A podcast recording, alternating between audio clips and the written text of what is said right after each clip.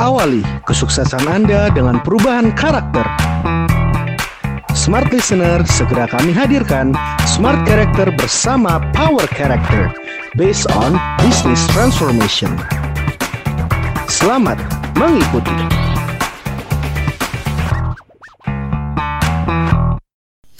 Selamat malam smart listener dan juga sahabat yang bergabung. Hari ini kita ngebahas soal konflik manajemen. Apakah Anda melihat hidup manusia, manusia berhubungan dengan siapa pun itu nggak bisa lepas dari yang namanya konflik Setuju, ya? ya. Boleh diperjelas dulu nggak sih konflik itu apa sih sebenarnya?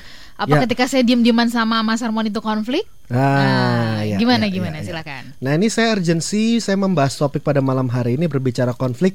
Ini pasti semua dirasakan, dirasakan oleh semua lini, semua kalangan orang.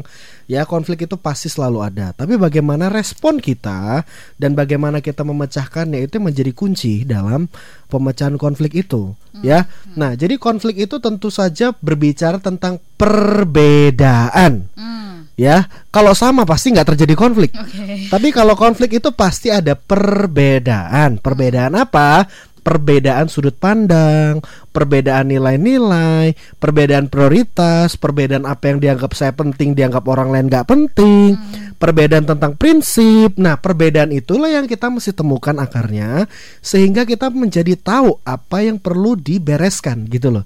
Apa yang perlu diselaraskan dan apa yang penting untuk diutamakan gitu. Dengan sudut pandang yang sama, otomatis kita akan mencapai satu sinergi atau satu sudut pandang atau satu resolusi yang bisa dikerjakan bersama gitu. Jadi ujungnya dalam konflik manajemen itu ya kalau nggak beres itu pasti meningkat terus levelnya.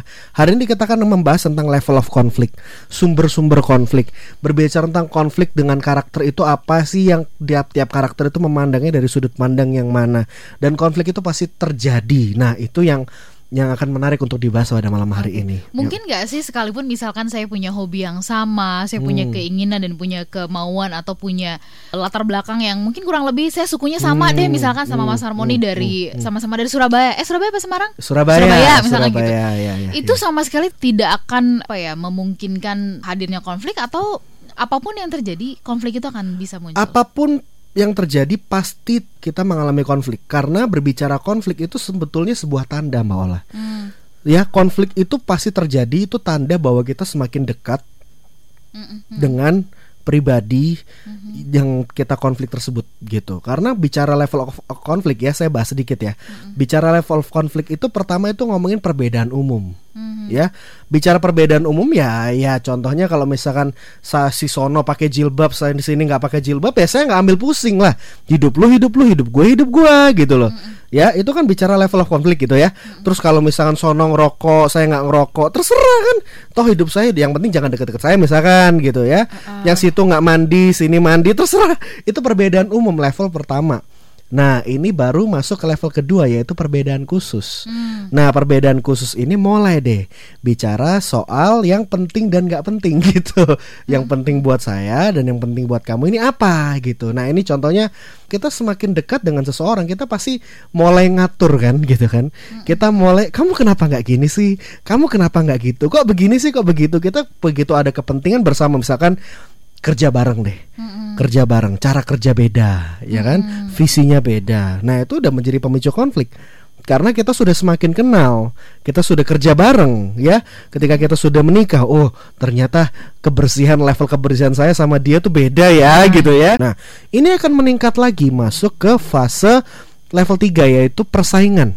Nah, persaingan ini ngomongin ke kompetisi Hmm. ya kalau level 2 itu kan ngomongin nggak sepakat kan? Mm-mm. ya kan? Kalau dibiarkan terus nih ketidaksepakatan akan masuk ke kompetisi. Bicara menang atau kalah bicara benar atau salah. Nah makanya sering kali kalau misalnya dalam hubungan dalam teamwork gitu ya pasti ujung-ujungnya kalau misalnya nggak menang atau kalah atau benar atau salah itu nggak akan udah ujungnya. Nah, itu karena lagi mempertahankan prinsip mana yang paling benar, cara mana yang paling benar, eh, dan apa yang paling baik dipraktekkan gitu ya. Prinsip mana yang paling oke nih gitu. Nah, kalau dibiarkan terus-menerus, maka naiklah ke level 4 yaitu level perseteruan. Mm-mm. Nah, ini pasti perselisihan nih. Nah, perselisihan ini bicara tentang eksis atau lenyap, Mbak Ola. Mm-mm. Ya. antara gua yang resign atau lo yang resign. Nah, itu existential nyap. Misalkan dalam hubungan, gua putus aja gitu. Itu existential nyap gitu ya. Oke. Atau enggak, gua mau cerai. Nah, itu existential nyap Mm-mm. gitu ya. Jadi itu udah masuk ke level 4. Nah, yang paling parah ketika level 4 pun tidak selesai, level 4 pun tidak men- menunjukkan resolusi, tidak ada solusi, maka masuklah ke level 5 Mm-mm. yaitu situasi tidak terkendali. Oke. Nah, ini bicara peperangan antara hidup dan mati. Mm-mm. Kalau nggak gua yang hidup, lo yang mati, atau gue yang mati, lo yang hidup. Nah, Mm-mm. inilah peperangan, inilah situasi yang semakin tidak terkendali. Oke. Nah, jadi level konflik manakah kita? Biasanya betulkah? Apakah betul kalau misalkan kita semakin dekat itu biasanya ngomongin benar saat lah menang kalah? Biasanya level 1 sampai 3. Iya, iya, nah, iya. kalau level 4 ini yang yang ini urgent untuk segera balon konfliknya segera dikempesin nih. Mm-mm. Gitu. Kalau udah level 4 ya. Kalau level 1 2 3 menurut saya ya relatif sering lah. Mm-mm. Relatif sering itu sehat. Oke, apa sih sebenarnya penyebab utama terjadinya konflik selain Hmm. dari yang tadi nggak sepaham ya Ya, nilai-nilai ya, yang ya. berbeda begitu? Apakah juga ini dipengaruhi oleh tingkat kedewasaan? Silakan, Mas Konan. Ya jadi tadi masalah konflik ini akan semakin parah ketika orang yang terlibat konflik ini tidak dewasa tadi ya. Tetapi kan dewasa ini kan very abstrak ya kan. Dewasa itu dilihat dari mana sih? Ya dewasa itu dilihat dari respon seseorang. Respon itu ada empat. Pikirannya, Oke. perasaannya, gimana kita berpikir, kita mandang konflik apa sih? Ya, ada orang memandang konflik sebagai satu hal yang yang yang memuakan, satu hal yang yang negatif. Padahal kalau kita positif, konflik yang tidak bisa dihindari itu menjadi potensi untuk kita bisa berkembang sebenarnya. Hmm, hmm. Ya, kita bisa mengembangkan diri lewat konflik yang ada. Karena masalah itu bisa membuat kita sebenarnya semakin kuat, semakin kreatif, semakin dekat ya kan? Karena ada ada konflik eh jadi makin dekat jadi tahu sama tahu jadi makin kebuka. Yang kedua respon bicara perasaan. Banyak orang gak dewasa semuanya di take it personally gitu loh. Orang mengkritik kinerja tapi dianggapnya personal gitu loh. Padahal dia dia dia mengkritik kinerja seseorang misalnya. Dia me- mengkritik emang tadi persiapannya ada salah tapi ya wes lah emang kok nggak sempurna berarti emang lo nggak cocok kerja. Kayak gitu jadinya bener-bener ka- ketika di take it personally segala hal bahkan sampai hal-hal kecil sehingga tuh konflik seolah-olah jadi satu hal yang ya udahlah nggak usah daripada konflik mendingan diem-dieman Udah akhirnya. deh. nah masalahnya kan diem-dieman itu kan nggak konflik bukan berarti itu aman loh.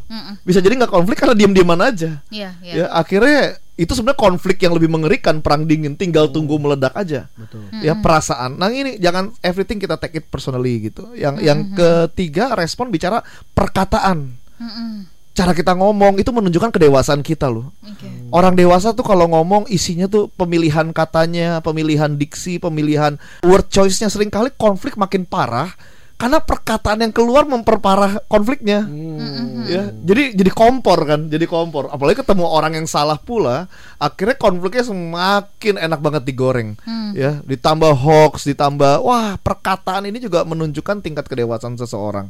Ya perkataan yang baik perkataan yang benar yang bijaksana. Yang ketiga ya memang perbuat sikap. Perbuatan kita ya di tengah-tengah konflik kita bisa gak tetap profesional perbuatannya tetap produktif karena kalau konflik terus kita jadi lemes kita jadi nggak produktif ya itu kita kurang dewasa. Kita harus konflik boleh terjadi tapi kerjaan tetap harus beres. Ya Ya. tetap perbuatannya bicara profesionalisme. Iya, iya. ya jadi itu. Jadi konflik ini sangat bisa dikelola kalau masing-masing dari kita belajar untuk bersikap dewasa. Mulai dari pikiran berpikir jernih melihat dari sudut pandang yang positif. Yang kedua kita bisa menjaga mengelola perasaan kita jauhi dari terlalu gampang tersinggung terlalu sensitif. Ya kita harus belajar untuk mengelola perasaan kita belajar sabar ya. Sabar itu bukan sekedar diem ya. Sabar itu kita aktif listening maksudnya. Di tengah-tengah kita diem tapi kita mencoba mencermati apa yang salah sih takutnya. Ya. Di kita gitu. Takutnya iya. ada di mana? Karena konflik manajemen yang tadi Pak Harmoni bahas, konflik manajemen adalah sebuah proses. Betul. Mengelola konflik itu sebuah proses, nggak instan. Sekali ngomong kelar. Itu itu itu proses yang disambung, yang diputus, yang ditata, yang ditumpuk, yang dicoba, yang dites. Sebuah proses. Nah, sebuah proses ini dibutuhkan kesabaran. Ya. Ya, dan sabar bukan cuma diem atau bungkam, tapi sabar dengan satu tujuan. Oke. Gue coba dengerin, gue coba Iya. kaji, gue coba baca tanpa ada rasa bete, dendam, kesel itu. Oke, terima kasih untuk Anda semua yang sudah menyimak. Semoga perbincangan kami ini bisa memberikan semangat, motivasi, dan inspirasi untuk Anda. Baru saja Anda menyimak Smart Character bersama Power Character based on Business Transformation. Awali kesuksesan Anda dengan perubahan karakter. Terima kasih dan sampai jumpa.